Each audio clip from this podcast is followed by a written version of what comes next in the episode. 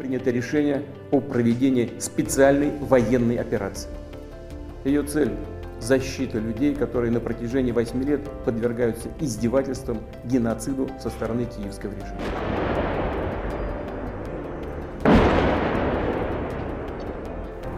24. februar skete det, som nok de færreste havde regnet med.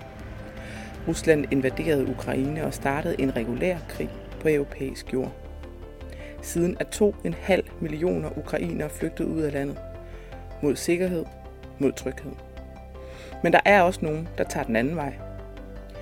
En af dem er fotograf Jakob Stentoft fra Horsens. Allerede dagen efter invasionen tog han afsted mod Ukraine og endte med at tilbringe 10 dage i havnebyen Odessa, hvor han oplevede krigen på aller nærmeste hold. Det er ikke første gang, Jakob Stentoft drager ud for at dokumentere verdens brandpunkter. Fra hungersnød til katastrofer, fra Syrien til Afrika har han stillet skarp på de mennesker, der bliver berørt. Men hvad er det, der får ham til gang på gang at søge derhen, hvor alle andre flygter fra, og hvor det er allermest farligt? Bliver han aldrig træt af at se på og for evige mennesker i nød? Og er det egentlig den samme Jakob, der kommer hjem, som ham, der tog afsted?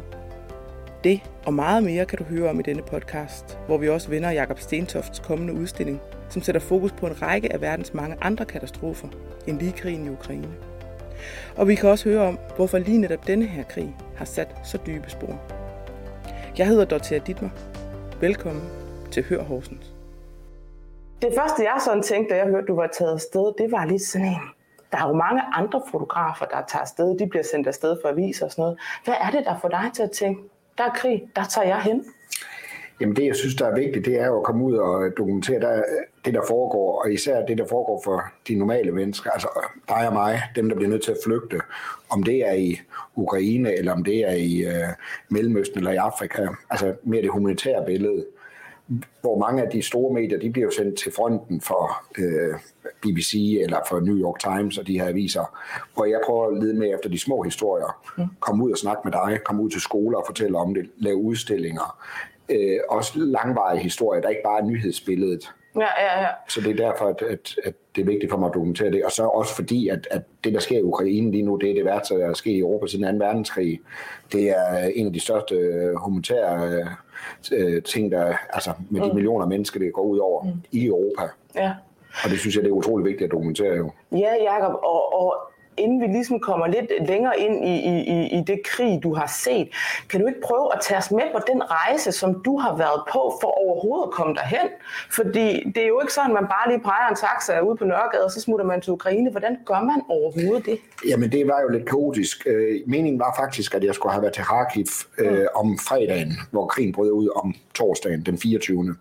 Jeg havde sat op med min øh, fixer. En fixer, det er en lokal mand, der kan hjælpe med ja. som tolk og med kontakter og de her ting. Han skriver tidligere øh, om natten, øh, annuller din billet. Øh, krigen, øh, invasionen er begyndt nu. Krigen er jo startet i 2014. Ja, ja. Men den store fulde invasion, der sker nu her, den 24. februar. Øh, jeg skal i sikkerhed med mine kone og børn, og vi bliver bombet. Så du har ingen fikser på det her tidspunkt? og jeg tænker, at det er, alt flyrum bliver lukket over øh, Ukraine, så der, du kan slet ikke flyve øh, til Ukraine. Alt fly bliver annulleret. Så øh, tænker jeg, at mit første, det var egentlig at tage bilen og køre, øh, køre til øh, hvad hedder Polen, og så over den polske grænse, og så videre ind i Ukraine. Men, øh, men begynder at tænke og snakke med nogle lokale øh, og nogle kollegaer, at, at det er for farligt simpelthen. Og det her med en dansk bil ind øh, over grænsen. Ja. Får fat i en, øh, en øh, hvad hedder det, hjælpeorganisation, der tager til Moldova, og snakker Som med ham. grænser op til Ukraine. Ja, Moldova ligger øh, lige op til øh, ja. Ukraine, ja. nede i det sydlige Ukraine. Og øh, øh, det er lufthavnen også lukket. Så øh, jeg får fat i en flybillet øh, til øh, Rumænien, og øh, så har jeg arrangeret en øh, chauffør, der kan køre mig igennem Rumænien, og så over grænsen der, og så ind til Moldova. Og øh, der ved jeg jo ikke, hvad situationen er nu. Der er flygtningene jo begyndt at vælte ud.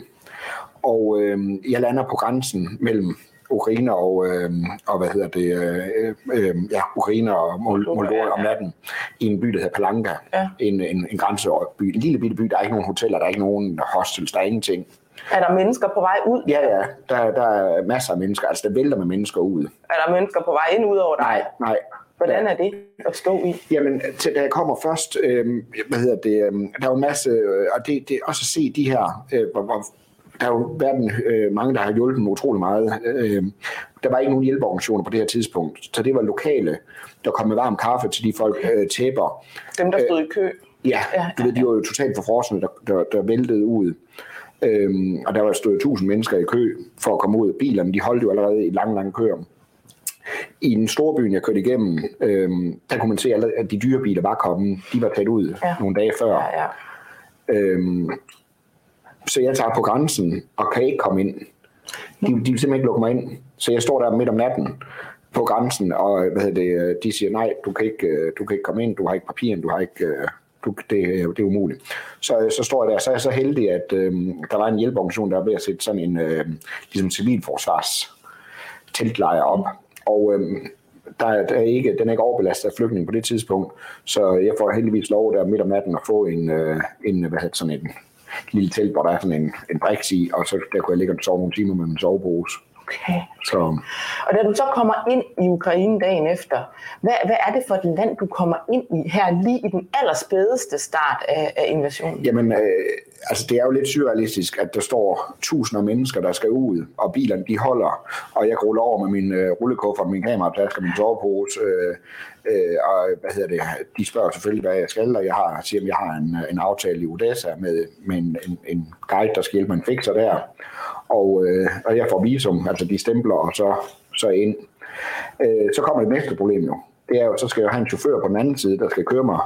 Nå ja, selvfølgelig. Ja, så, øhm, øhm, men derfor er jeg så arrangeret, øh, så der er en masse logistik i at, at ja. rejse i sådan et område jo. Men, men du, du, du kommer jo øh, frem til, til Odessa. Hvad er, det for en, hvad er det for en by, du kommer til? Jamen, det er en by, der er totalt lukket ned.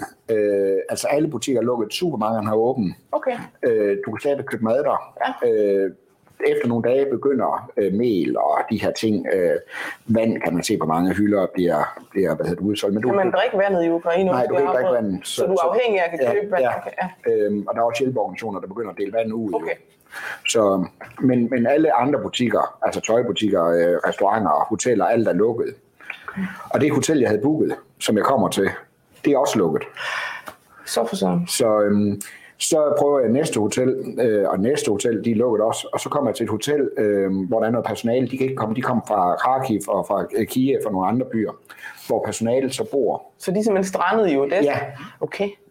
Men øh, de forbarmede sig så og sagde, at øh, at hvis jeg betalte lidt overpris og hjalp lidt, så kunne jeg godt få lov at få et hotelværelse der. Øh, bare uden rengøring, uden mad. Ja, øh, ja. Altså fordi at det var, men jeg var bare lykkelig bare for at få et hotel jo. Ja, for søren.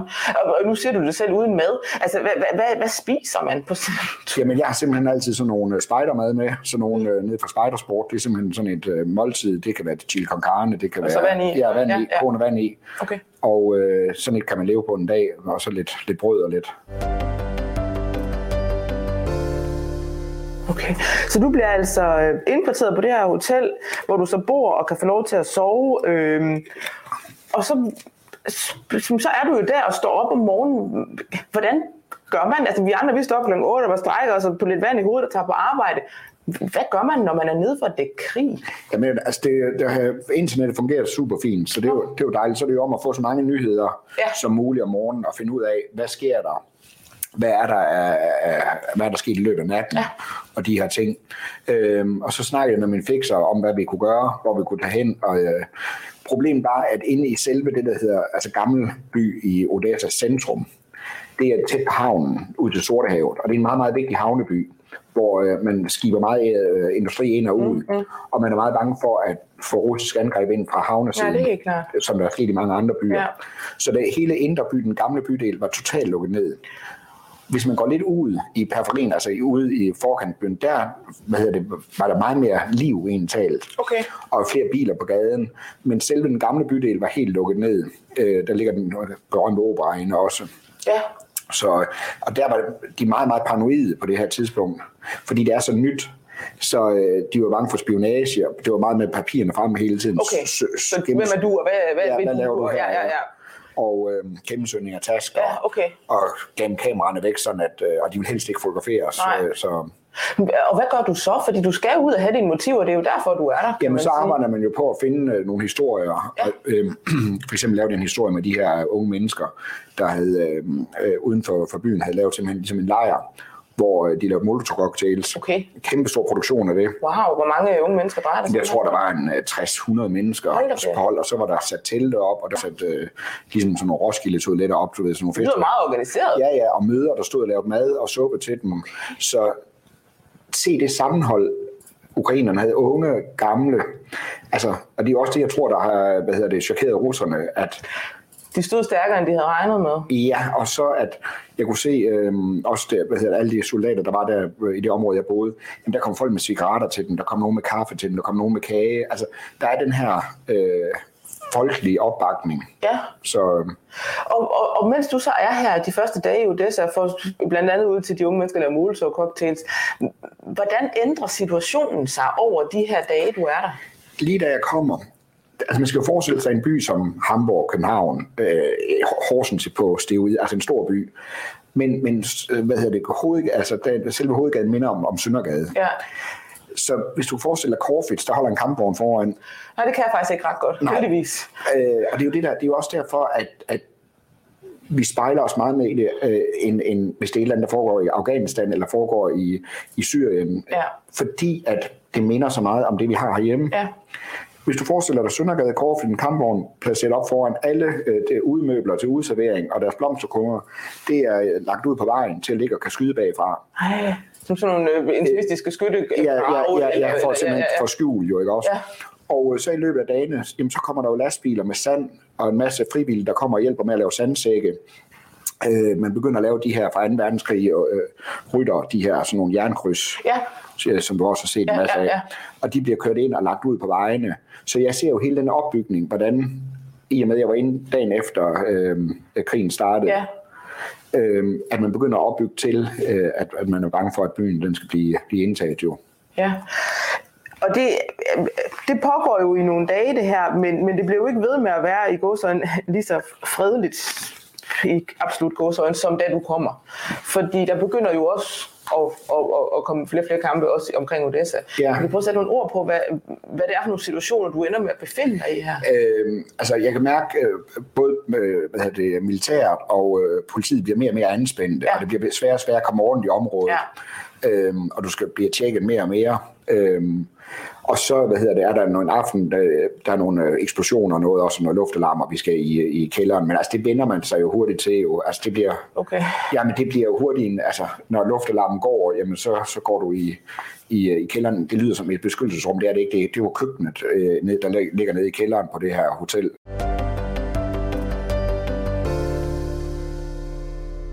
Du siger, at man vender sig til det, men er man ikke bange for at dø? Øh, nej, altså, hvad hedder det, det er jo, så skal man jo ikke lave det her jo.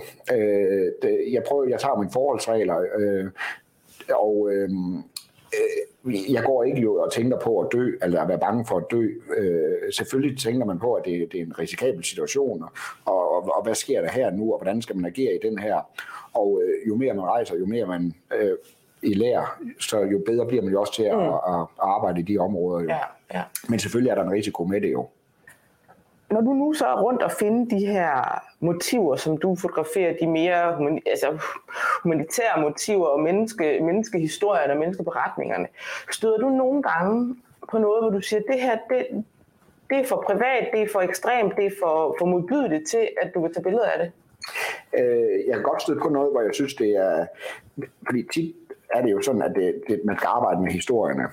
Men jeg kan godt støde på noget, hvor jeg ikke viser det måske til offentligheden, men jeg stadigvæk laver billederne. Øh, og det er jo noget, jeg vurderer senere. Men, men det kommer jo an på, altså der, i medierne bringer man ikke, og på, på sociale medier og, og i aviser bringer man jo ikke øh, såret på den måde, eller, eller, eller, eller øh, børn. Hvor går din egen grænse? Nu laver du jo et fotoudstilling, fordi der er jo en anden form for censur, eller ikke censur. Ja. Hvor går dine grænser for de motiver, som du føler, du kan bringe Jamen det, er jo, det kan jeg ikke sætte i en, en bog. Det, det kommer Nej. an på situationen og an på motivet. Øhm, hvornår, altså, det, det er helt efter, hvad det er.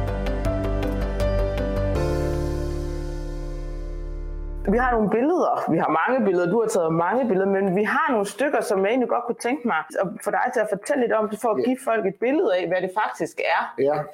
Det, første motiv her, kan du prøve at sætte nogle ord på, hvad er det, hvad er det vi kigger på her? Jamen det er jo den øh, teltlejr, øh, den øh, civilforsvarslejr, der er sat op på grænsen. Du skal lige tænke på, det er jo møgkoldt der midt om natten. Hvor koldt er det egentlig? Jamen det er nok der, hvor den nat var det nok minus øh, 10 grader. Altså. Hold da fast, okay. Ja, jamen, det, det, er faktisk ikke så slemt. Øh, nogle dage kan det jo være, nu kommer der noget sibirisk kulde ind over, nu kan det jo blive endnu koldere jo. Okay. Øhm, men men det er jo sådan en, altså du ved jo ikke, når du rejser, det, det er jo ikke, det er jo ikke Startours, du er med. Nej. Så, så, så det at få lov at sove i sådan et telt, øh, er jo, er, er jo, altså, det er jo igen det her med, hvordan, øh, hvordan andre folk reagerer, og hvordan du kan, jeg skal jo tage den her seng fra en flygtning. Nej. Så det er jo vigtigt for mig at, at gøre det opmærksom, at hvis der er mulighed for det, så vil jeg gerne have et sted at sove et par timer. Ja. Men, men jeg skal jo ikke, hvis der kommer en børnefamilie ind over, så skal jeg jo ikke ligge og fede mig der i øh, min dejlige sovebro, så er det vigtigt, at de kommer til jo. Men, men det er jo dejligt, at, at man også hjælper et, en fotograf, der skal... Og hvem var det, der var meningen, eller hvem var det, der ellers øh, sover på de andre brikser, for de jo står relativt tæt derinde, kan man sige. Ja, ja, men det er, jo, det er jo familier. Øh, jeg blev så flyttet om natten til et andet, fordi der så kom en, en, en familie, der... Så det var tiltænkt ja. de flygtninge, som, som ja, ja, kom til grænsen ja, der? Okay. Ja. Ja. Så har vi et, et andet motiv, som er øh, jo et, et, et skal man sige, meget atypisk motiv fra, fra en krig, en umiddelbart en soldat, der ligger så Kan du sætte nogle ord på, hvad er det, vi kigger på her? Jamen, det er jo igen det her sammenhold, som jeg oplevede, ukrainerne havde. Øh, hvis man lægger mærke til, så har han kondisko på, hans skudsikker vest ligger ved siden af med, med magasinerne i, og hjelmen ligger over. Det er inde på restauranten, i den lukkede restaurant på hotellet. Der, hvor du boede? Ja. ja. Og øh, køkkenet lavede noget mad til dem, øh, sådan noget gryderet, øh, som de fik serveret. Alle de soldater, der lige var i området, øh, der havde de poster der, de kom ind og kunne bruge toilettet. Øh, og øh, se, soldaterne, det var ikke, de har jo ikke det top udstyr. Det er jo det er også derfor, vi sender vest øh, fra Danmark og udstyr rundt omkring. De går rundt i mega koldt vejr i øh, kondisko. Ej. Ikke militærstøvler, ikke ordentligt. Øh, der kommer en øh, lille soldat en kæmpe stor tung øh, vest og et stort gevær, og han var forfrossen, han havde været på, på vagt i mange, mange timer, og spørger, om jeg bor på, på hotellet. Og så siger jeg, ja, det gjorde jeg. Han kunne lidt engelsk, og vi snakker lidt frem og tilbage. Og så spørger han, om, jeg ikke godt, om han ikke godt må få bad, øh, bad op på mit øh, værelse, fordi han var simpelthen så kold. Så siger jeg, jo, selvfølgelig. Så gik vi op, og, øh, og der var et rent håndklæde, og han, jeg sagde, tag noget tid. Og, altså, det er jo det, er jo det de, det er jo ikke hvad gør sådan en oplevelse ved dig, når du ikke har... står på bagsiden af kameraet, hvor det er det menneske til menneske? Der, der, det er en mand, der, der er ude, det, det spørger jeg jo ikke, om jeg må dokumentere. Det kunne jo være en flot historie at fortælle, men jeg har en datter på 17 selv, øh, og man tænker, hvis hun skulle i krig, ikke? og han havde været i herren i 6 måneder. Og han var 17 år? Ja, ikke? Og, og, og får et stort gevær i hånden. Ikke? Så, men, men det er det, jeg synes, at sådan et billede, det viser jo, det viser jo en menneske bag soldaten. Ja, grad. Ja. Og så det sidste billede her, som jo der i hvert fald, øh, tror jeg, for alle, der har børn, øh, går lige i hjertet, og noget af det, som har gjort, at den krig jo berører os andre, som er langt væk, men berører så meget, det er jo alle de her børnefamilier, der flygter. Kan ja. du sætte nogle ord på det billede her? Det er, at, at det er jo det, at vi ser en dreng, vi ser en mor øh, med hendes telefon, der er panikken, og mormoren bagved, der, der også er øh, eller hvem det nu er, og så med, med en, med en øh, kattekasse, ikke? altså med kæledyret, at øh, det rører mig utrolig meget, det her. Øh, også fordi vi kan spejle os så meget i dem. Nu synes jeg jo også, det var forfærdeligt dengang med Kabul falde, og vi ikke vil hjælpe alle de her tolke, vi har, vi har hvad hedder det, øh, haft med at gøre igennem mange år. Alle de syre, der er under problemer, alle de afghanere.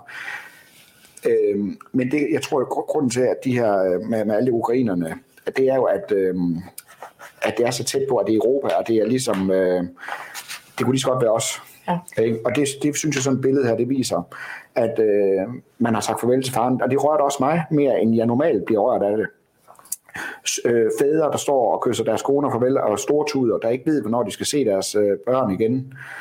Øh, på vej ud af, jeg fulgtes med, øh, med det to to, da jeg kom ud, altså igennem Ukraine og over grænsen igen, for der var så mange mennesker. Der skulle jeg jo på samme tur som dem. Der var 30 km bilkø. Der var folk, der sad der i, i tre døgn for at komme over.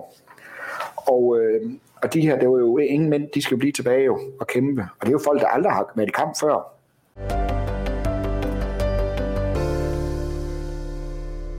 Øh, Jakob, var det den samme Jakob, der tog afsted, som der kom hjem igen? Øh, altså, jeg har, det er jo altid, uanset hvad tur jeg tager på, så kommer man aldrig hjem på samme måde, fordi du har altid fået nogle nye indtryk jo. Mm. Og, og øh, og de ting går jo selvfølgelig ind under huden. Og det er jo egentlig ligegyldigt, om det er i Afrika, eller, eller i Ukraine, eller i Mellemøsten. Så er der altid nogle, nogle historier, og nogle menneskers historier, der sætter sig på dig. Så du, ja, du kommer aldrig hjem på samme måde, som, som du tager afsted. Og, og i øvrigt, nu, nu, nu nævner du selv, at der er nogle historier, nogle oplevelser, nogle måske billeder, man har set eller taget, som sætter sig mere. Kan du, kan du beskrive eller sætte nogle ord på, hvad er noget af det, der har, har, har været ekstremt, mest ekstremt, det er jo måske ikke det rigtige ord at bruge, men har, har sat sig mest i dig på den her tur? Jamen det er de her børn. Det er børnefamilien. Ja, der, der, der simpelthen, øh, og vi ser det jo i medierne hver dag, altså de her man, man tager simpelthen ud i det uvæsen. Altså ligesom hvis vi skulle flygte til Sverige eller Tyskland, øh, og man står, øh, mange af dem har mindre med, end vi andre har til, til en uges ferie. Ja, altså. ja, ja. Øhm, du var en lille smule inde på det, det der med, hvordan Ukraine adskiller sig fra, fra de andre brand. Du har jo været i, i mange brandpunkter, mange katastrofer, og, og set mange forfærdelige ting og dokumenteret det. Øh, og alligevel så, så, så lyder det også, som om Ukraine her har været noget særligt øh, for dig. Hvad er det, der gør, at det, at det adskiller sig? Men det er jo, at det er et, et vestligt land, som er velfungerende som Danmark. Øh, mange, altså, når du kommer ud på landet i, øh, i det østlige Ukraine, så er det meget, meget fattigt. Men storbyerne som Odessa og Kharkiv og Kiev er jo store, flotte byer, velfungerende. Øh, det er mennesker, øh, øh det altså, med en høj indkomst og gode restauranter og god kulturliv. Det er jo selvfølgelig noget andet end øh, i Centralafrika, i Bangui, øh, eller, eller i, øh, i øh, hvad hedder det, et af verdens fattigste lande, øh, øh, Sydsudan, og hvad, i, i hovedstaden Juba, hvor der er strømsvigt og, og der grusveje. Altså, det er jo selvfølgelig noget andet øh, at se et land, øh, og så igen se de her gader, der bliver omdannet til en krigszone, der minder om, om gaderne herhjemme jo. Øh, jeg kunne godt tænke mig at, at spørge dig, øh, for du er far til, til tre børn. Hvilke overvejelser gør man sig, inden man tager i, i en krigszone, når man har en familie herhjemme, og i stedet sidder, børn, inden man, inden man sådan tager afsted? Jamen, det er jo, altså, det er jo et, et valg, jeg har taget for, for lang tid siden, og øh, øh, jeg håber, at de er glade for også, at, at øh, de har en far, der gerne vil øh, fortælle, hvad der foregår ude i verden, i stedet for... Øh, der er jo nogen, øh, ja, det lyder så dumt at sige, der er jo nogen, der skal gøre det, men, men det er jo ligesom, altså, øh, ja, det, det, det, det er svært at sige, hvordan de har det med. Hmm. Tænker du nogensinde over, om det er det værd? Øh, jamen, jeg synes, at det er meget det værd. Øhm, fordi det giver også, selvom du ser mange ting, så giver det også øh, en, en, øh, en, en øjenåbner for mange ting, og du får også øh, en, en, et indliv. Jeg har en folk åbner en dør for mig, der står i, i de værste situationer i deres liv tit. De står og skal sige farvel til deres mand, og, og jeg får lov at være med. Eller folk i, øh, i, i Afrika, der har mistet et barn. Eller, altså, jeg bliver lukket med ind i mm. livet, og det synes jeg også er livsgivende, at, ja. at man får, får det.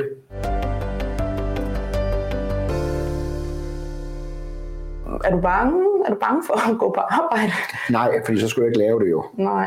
Øh, selvfølgelig kan jeg være nervøs og, og i situationen, eller øh, øh, hvad hedder det, ja, øh, hvis man bliver stoppet af, af, af en vagt, altså en, en militærpost, og man, man synes ikke, de har helt styr på deres våben, at de putter op, det kan man da godt, altså, så kan du godt være nervøs i situationen, og, og få, få, få fugt i håndflader og tænke, øh, er der nu styr på det her, ikke? Ja. Øh, eller, eller, eller hvis du bliver stoppet ind i bilen, altså du ved, at bliver stoppet af, øh, men den nervøsitet skal du også gerne kunne lægge fra dig igen, jo. Mm, mm. Så, er du en særlig støbning?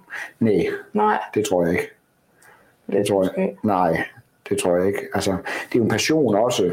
Øh, det, er jo, det er jo en stor passion for at lave fotografier, for at fortælle de her historier. Øh, så, så det er jo ikke noget heldemod i det, eller noget... Øh, øh, det er jo fordi, jeg synes, det er, det er vigtigt. Jeg synes, det er spændende at lave, og jeg synes, det er øh, ja, øh, givende. Mm.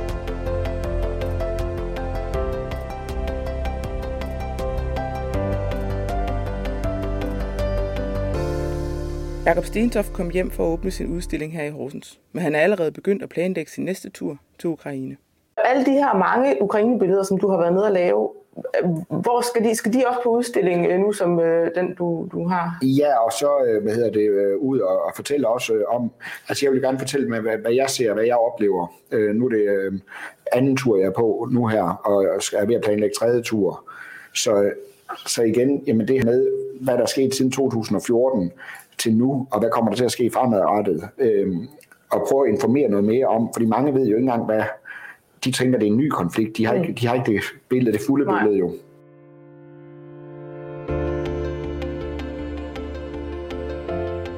Du har lyttet til podcasten Hør Horsens om fotograf Jakob Stentoft, som tilbragte 10 dage i krigen i Odessa. Jeg hedder Dorthea Dittmer. Du kan finde os på hsfo.dk, hvor vi hver uge bringer nye historier med afsæt i mennesker, steder, begivenheder i vores hjørne af Østjylland.